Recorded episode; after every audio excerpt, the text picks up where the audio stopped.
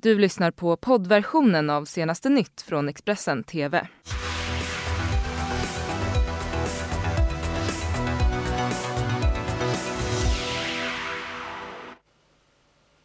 God morgon, det här är senaste nytt lördag och det här är våra rubriker. Misstänkt mord i Farsta, tre gripna. Ung man allvarligt skadad efter skjutning i Jordbro. Och Sverige utklassade av Portugal i handbolls-EM. Vi inleder i Stockholm med ett misstänkt mord. Tre personer har nu gripits efter att en person avlidit i Farsta strand. Enligt polisen så fick man in larmet vid 22.30-tiden igår kväll. Och när ambulans och polis kom till lägenheten i Farsta strand så hittades en skadad person. Eftersom polisen inte kunde utesluta att ett brott begåtts så inleddes en förundersökning om mord. Enligt Säpo så är NMR ett av de allvarligaste hoten mot Sveriges säkerhet. Expos årsrapport över rasideologisk aktivism i landet visar att eh, organisationens aktivitet ökar mest i Sydsverige. Kvällsposten och Expo de har kartlagt de mest aktiva nazisterna i södra Sverige och reporten Federico Moreno har pratat med en anhörig till en eh, NMR-aktivist.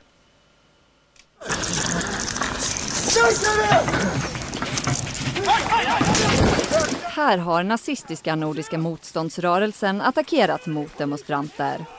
Händelsen inträffade i Lund i somras och fem nazister anhölls misstänkta för bland annat misshandel och våldsamt motstånd. I november hängdes dockor i snaror utanför kommunhus i Sydsverige och i september tömdes säckar med skräp vid en politikers och en journalists bostad i Lund. Attentaten begicks av Nordiska motståndsrörelsen NMR. Enligt Säpo är NMR ett av de allvarligaste hoten mot Sveriges säkerhet. Kvällsposten har pratat med en anhörig till en NMR-aktivist. Hon beskriver NMR som en eh, som en sekt som liksom eh, jihadiströrelser sprider bilden av ett pågående krig. Ett krig som, som kräver aktioner, kräver offer. Men hon eh, beskriver också rörelsen som en, en stor familj, säger hon. Eh, där hon som kvinna hade en speciell roll. Under en månads tid har Kvällsposten sökt ett 20-tal NMR-aktivister via telefon, mejl, sociala medier, brev, deras advokater och organisationens pressavdelning. Majoriteten har valt att inte kommentera. Organisationens högsta ledare svarar kort.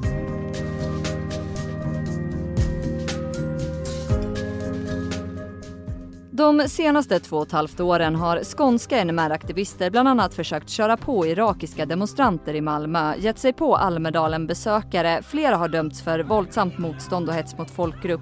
Och en av aktivisterna har gripits beväpnad med machete när han hängde upp en NMR-banderoll. Aktiviteterna inom vit maktmiljön där NMR dominerar har ökat från 2 660 stycken 2017 till 3 939 under 2018 enligt Expo. Den anhöriga till NMR-aktivisten säger att hon ser den ökade aggressiviteten som ett svaghetstecken. Hon menar att eh, det är eh, ja, ett sätt att försöka bevisa sin, eh, eh, ja, sin styrka och, och, makt så att säga. Samtidigt som hon påpekar att det finns eh, individer eh, inom rörelsen som verkligen utgör en fara för samhället. Nu till södra Sverige där en man i 40-årsåldern omkom i en trafikolycka i natt. Eh, mannen som körde en motorcykel i Smålandsstenar i Jönköpings kommun eh, kom av okänd anledning under natten till lördagen över i fel körfält i en kurva där han krockade med en personbil. Den här mannen han skadades mycket svårt och avled på vägen till sjukhus. Föraren till personbilen har ännu inte kunnat höras men är inte misstänkt eh, för något brott i nuläget. Anhöriga ska vara underrättade. Under 2019 så beviljade Åklagarmyndigheten totalt 2 994 stycken kontaktförbud i hela landet. Det är en minskning med 72 stycken från eh, 2018. Samtidigt så har ansökningarna minskat eh, från 11 342 stycken till 10 429. Och enligt Brottsofferjourens ordförande Sven-Erik Alhelm så är det inte konstigt när man tillämpar det så restriktivt. Enligt de nya siffrorna som Kvällsposten tagit del av fick över 70 procent alltså avslag på ansökan. Sven-Erik Alhelm är starkt kritisk till att kontaktförbud inte beviljas mer välvilligt. Hanna, 17 år, hon har blivit hotad och trakasserad av en jämnårig kille i snart ett år men ändå beviljas hon inget kontaktförbud. När jag är ute så kollar jag alltid axeln och så får jag typ jag hör ljud och ser så rakt jag ändå. Och sen jag är det sova på nätterna. Vaknar upp och är helt färdig. Och känner som att hon står utanför mitt fönster och väntar på mig. Och så att hon ska komma och skada mig. Det är meddelanden som de här som gör att Hanna känner oro. Hon misstänker att de kommer från en klasskamrat som tidigare var hennes vän, men som hon sa upp kontakten med. Tvärtom så blev det här starten för ett helvete som skulle pågå under en lång tid. Hanna berättar att det hela började med att killen skickade meddelanden till Hannas syster med hot om att han skulle döda henne och hennes katt. Hon blockerade honom men hoten fortsatte att strömma in från andra håll och Hanna är säker på att de kommer från honom. Sedan dess har fönstren in till Hannas rum i familjens hus slagits sönder. En morgon vaknar hon av att hon hörde något på andra sidan fönstret. Genom övervakningskameror kunde hennes pappa se att det var killen som stod där utanför. Killen lämnade sedan tomten utan att ta sig in, enligt familjen efter att ha konfronterats av grannarna. I mitten av oktober dömdes han för hemfridsbrott med ungdomsvård som följd. I samma dom fälldes han också för olaga hot och ofredande, men terrorn den har fortsatt. Alltså man känner panik. Alltså bara, hur ska man liksom få slut på det? Hur får det till slut? Alltså jag har ingen kontroll alls till att kunna få det till sluta. Senast i mitten av december fick Hanna ett meddelande om att hon är död nästa gång han ser henne. Familjen har fortsatt att anmäla alla trakasserier och hot. Tre gånger har jag försökt få kontaktförbud. Men eh, det går inte igenom alls. Jag vet inte vad, jag vet inte vad som krävs för att man ska få ett kontaktförbud. Det måste vara väldigt svårt i alla fall. Det känns väldigt hopplöst. Mm. Det känns onödigt att fortsätta anmäla även om jag vet att jag måste för att det ska hända någonting. Men det ser emot sig själv lite hela tiden att fortsätta anmäla men det blir bara nedlagt.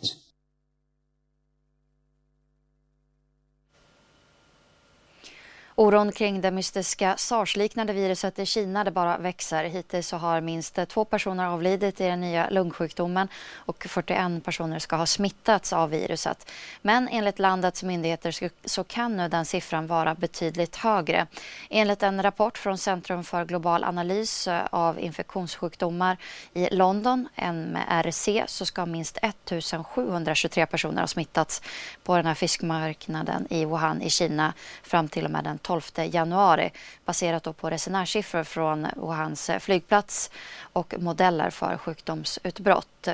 Professor Neil Ferguson säger till BBC att han är betydligt mer bekymrad nu än för en vecka sedan även om det fortfarande är för tidigt för att trycka på alarmknappen.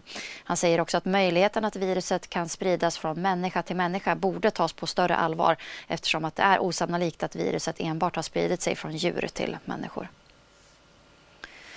Nu vidare till politikens värld. Sifos väljarbarometer publicerades igår i Svenska Dagbladet och visade på att Socialdemokraterna och eh, Sverigedemokraterna de ligger ungefär på samma nivå.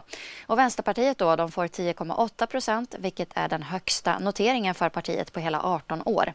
Sifos opinionschef har varit med tidigare och berättat vad siffrorna kan innebära. I grunden så har etablerats det här läget eh, i december och egentligen bevaras läget eh, om man tittar mellan, mellan de olika partierna. Men sen finns det ju saker som är alltså nominellt att eh, Sverigedemokraterna är större, det, det, det är ju mer psykologiskt. Och sen också att vänstern är också, det är ingen signifikant uppgång men, men det är ändå högsta värdet på rätt många år har man så att säga sett det här komma menar du? Att det här är eh, en utveckling som har rört sig i den här riktningen redan i tidigare mätningar? Ja, alltså det, vi såg ju nivån, inte minst för Sverigedemokraterna, etablerats under några månader. Har ju varit, eh, Vänsterpartiet har ju varit väldigt tydliga, inte minst kring Arbetsförmedlingen och eventuellt fälla eh, till och med den socialdemokratiska regeringen, misstroendeförklaring. Så att det har ju, partier som är tydliga eh, brukar ju också vinna väljare. Ja, det är väl många partier som är missnöjda med, med mätningen. Jag menar, ett, ett uppenbart är Moderaterna som är tredje, tredje största parti och som ändå eh, ser sig som en statsministerkandidat. Eh, så det är ju ett problematiskt läge för Moderaterna att eh, vara så mycket mindre än Sverigedemokraterna. Nu är det ju långt till nästa val, men sen är ju Socialdemokraterna, det är ju näst lägsta siffran som vi har uppmätt för dem någonsin. Inte helt konstigt för en ett regeringsparti att förlora lite i en mellanvalsperiod men det ställer ju säkert mycket frågor eh, inom Socialdemokraterna. Hur ska man agera i, i framtiden? Eh, Centern är också rätt opåverkad av de här händelserna som har hänt. Man ligger kring sitt valresultat och det har man gjort under hela perioden sedan valet. Centerpartiet är ju ett av partierna i eh, januariöverenskommelsen som ju slöts från, eh, för att eh, så att säga utestänga ytterpartierna från inflytande. Men nu är det just de som når framgångar i, i, det här, i den här senaste mätningen.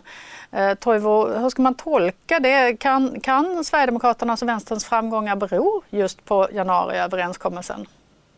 Ja, alltså, där, där partierna suddas ut så är, det, så är det klart partier som kan ha en väldigt tydlig och klar politik, de gynnas ju.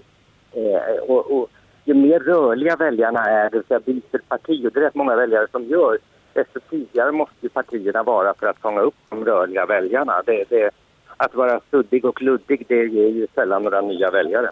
Vänsterpartiet når ju sin högsta siffra på 18 år. Eh, vad tror du är anledningen och från vem tror du att de får sina väljare just nu? Eh, de tar ju väljare från Socialdemokraterna, eh, väldigt marginellt från Miljöpartiet därför att de, de, fick, de hade ju inte så många väljare. Så man tar väljare från Socialdemokraterna eh, och lite grann nya väljare också. Och det är tydligheten, eh, att man är opposition på vänster och det, det, var ju accentuerat kring det här med Arbetsförmedlingen väldigt tydligt att man var ändå beredd att fälla och att driva sina frågor. Det, det gynnar dem helt klart. Just nu så vårdas en ung man eh, på sjukhuset efter att ha blivit skjuten utomhus i Jordbro i södra Stockholm. Det var vid 23-tiden igår kväll som polis larmades om att en man blivit skottskadad. Mannen som är i 20 25 årsåldern är allvarligt skadad och enligt Aftonbladet ska han ha träffats av flera skott. Polisen vill i nuläget inte kommentera om det finns vittnen men de utreder händelsen som försök till mord. Nu till handbolls-EM. Sverige de kollapsade totalt i måste-matchen igår mot eh, Portugal och blev utklassade på hemmaplan. Förlusten den skrevs till 35-25 och gör att chansen att nå semifinal nu är minimal. Här är några av matchens avgörande ögonblick i alla fall. 166 goals for his country. Empty goal again for Portugal on the attack. Jesper Nielsen again in the uh, centre of the defence. Uh, Portuguese uh, finding way through, especially Ferraz, who's on his third goal with a quick throw also paying dividend. Lucas Nielsen. And they're trying to control that uh, right back position, looking for the wing. Oh, good play!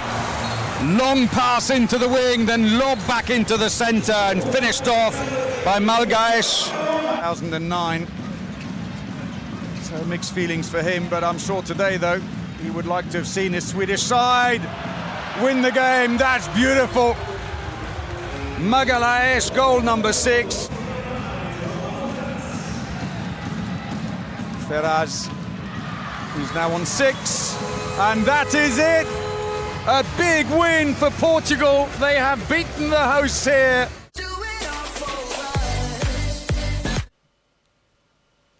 Fler nyheter får ni såklart alltid på Expressen.se. God morgon. Du har lyssnat på poddversionen av senaste nytt från Expressen TV. Till förordnad ansvarig utgivare är Klas Granström. Ett poddtips från Podplay. I podden Något Kaiko garanterar östgötarna Brutti och jag, Davva, dig en stor dos skratt. Där följer jag pladask för köttätandet igen. Man är lite som en jävla vampyr. Man har fått lite blodsmak och då måste man ha mer. Udda spaningar, fängslande anekdoter och en och annan arg rant. Jag måste ha mitt kaffe på morgonen för annars är jag ingen trevlig människa. Då är du ingen trevlig människa, punkt. Något kajko, hör du på podplay. Därför är gardinerna.